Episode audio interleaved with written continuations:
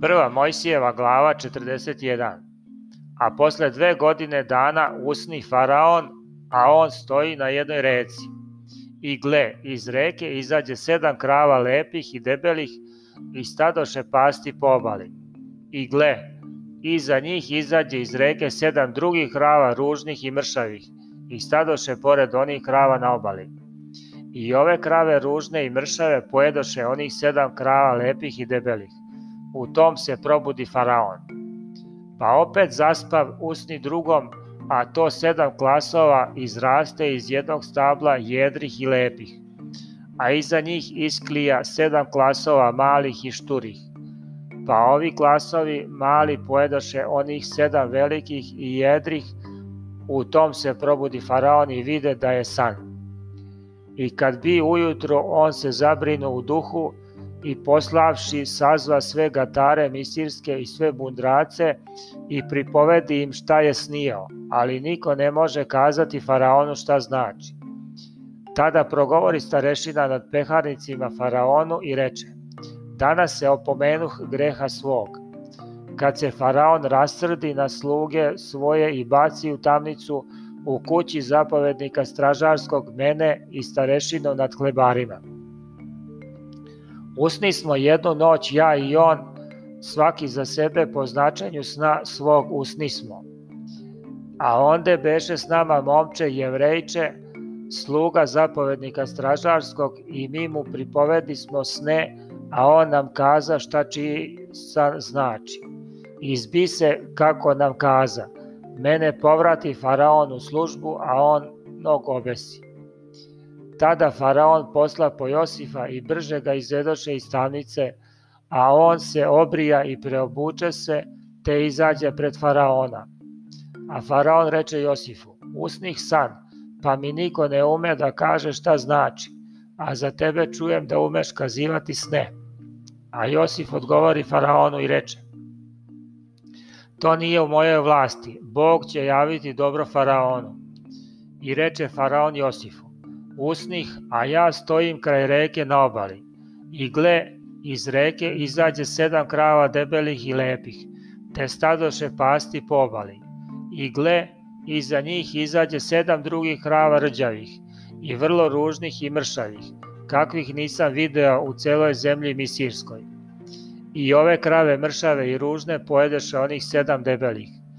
I kad im biše u trbuhu, ne poznavaše se da su im u trbuhu, nego opet behu onako ružne kao pre. U tom se probudih. Pa opet usnih, a to sedam klasova izraste iz jednog stabla jedrih i lepih, a iza njih isklija sedam malih, tankih i šturih.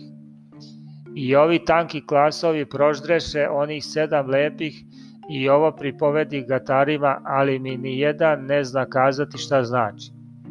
A Josif reče faraonu, oba su sna faraonova jednaka. Bog javlja faraonu šta je naumio. Sedam lepih krava jesu sedam godina i sedam lepih klasova jesu sedam godina. Oba su on sna jednaka a sedam krava mršavih i ružnih, što izađoše iz onih, jesu sedam godina i sedam klasova sitnih i šturih, bit će sedam godina gladnih. To je što rekoh Faraonu, Bog kaže Faraonu što je naumio. Evo, doći će sedam godina vrlo rodnih svoj zemlji Misirskoj, a iza njih nastaće sedam gladnih godina, gde će se zaboraviti sve obilje u zemlji Misirskoj, jer će glad satrti zemlju. Te se neće znati to obilje u zemlji od gladi potonje, jer će biti vrlo velika. A što je dva puta uzastopce faraon snio, to je zato što je zacelo Bog tako naumio i naskoro će to učiniti Bog. Nego sada neka potraži faraon čoveka mudrog i razumnog, pa neka ga postavi nad zemljom i sirskom i neka gleda faraon da postavi starešine po zemlji i pokupi petinu po zemlji misirskoj za sedam rodnih godina. Neka skupljaju od svakog žita za rodnih godina koje idu i neka snesu pod ruku faraonovu svakog žita u sve gradove i neka čuvaju. da se nađe hrane zemlji za sedam godina gladnih, kad nastanu da ne propadne zemlja od gladi. I ovo se učini dobro Faraonu i svim slugama njegovim. I reče Faraon slugama svojim, možemo li naći čoveka kakav je ovaj, u kome bi duh bio Božiji? Pa reče Faraon Josifu, kad je tebi javio Bog sve ovo, nema nikoga tako mudrog i razumnog kao što si ti. Ti ćeš biti nad domom mojim i sav će ti narod moj usta ljubiti, samo ću ovim prestolom biti veći od tebe. I još reče Faraon Josifu, evo postavljam te nad svom zemljom i Sirskom. I skide Faraon prsten s ruke svoje i metnu ga Josifu na ruku i obuče ga u haljine od tankog platna i obesi mu zlatnu veržicu o vratu.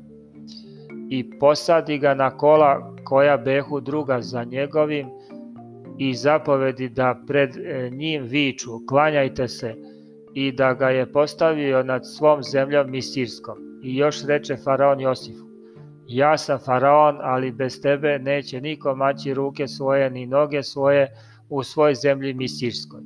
I dade Faraon Josifu ime Psa, Psontom Fanih i oženi ga Asenetom kćerju Potifere, sveštenika Onskog, i pođe Josif po zemlji Misirskoj.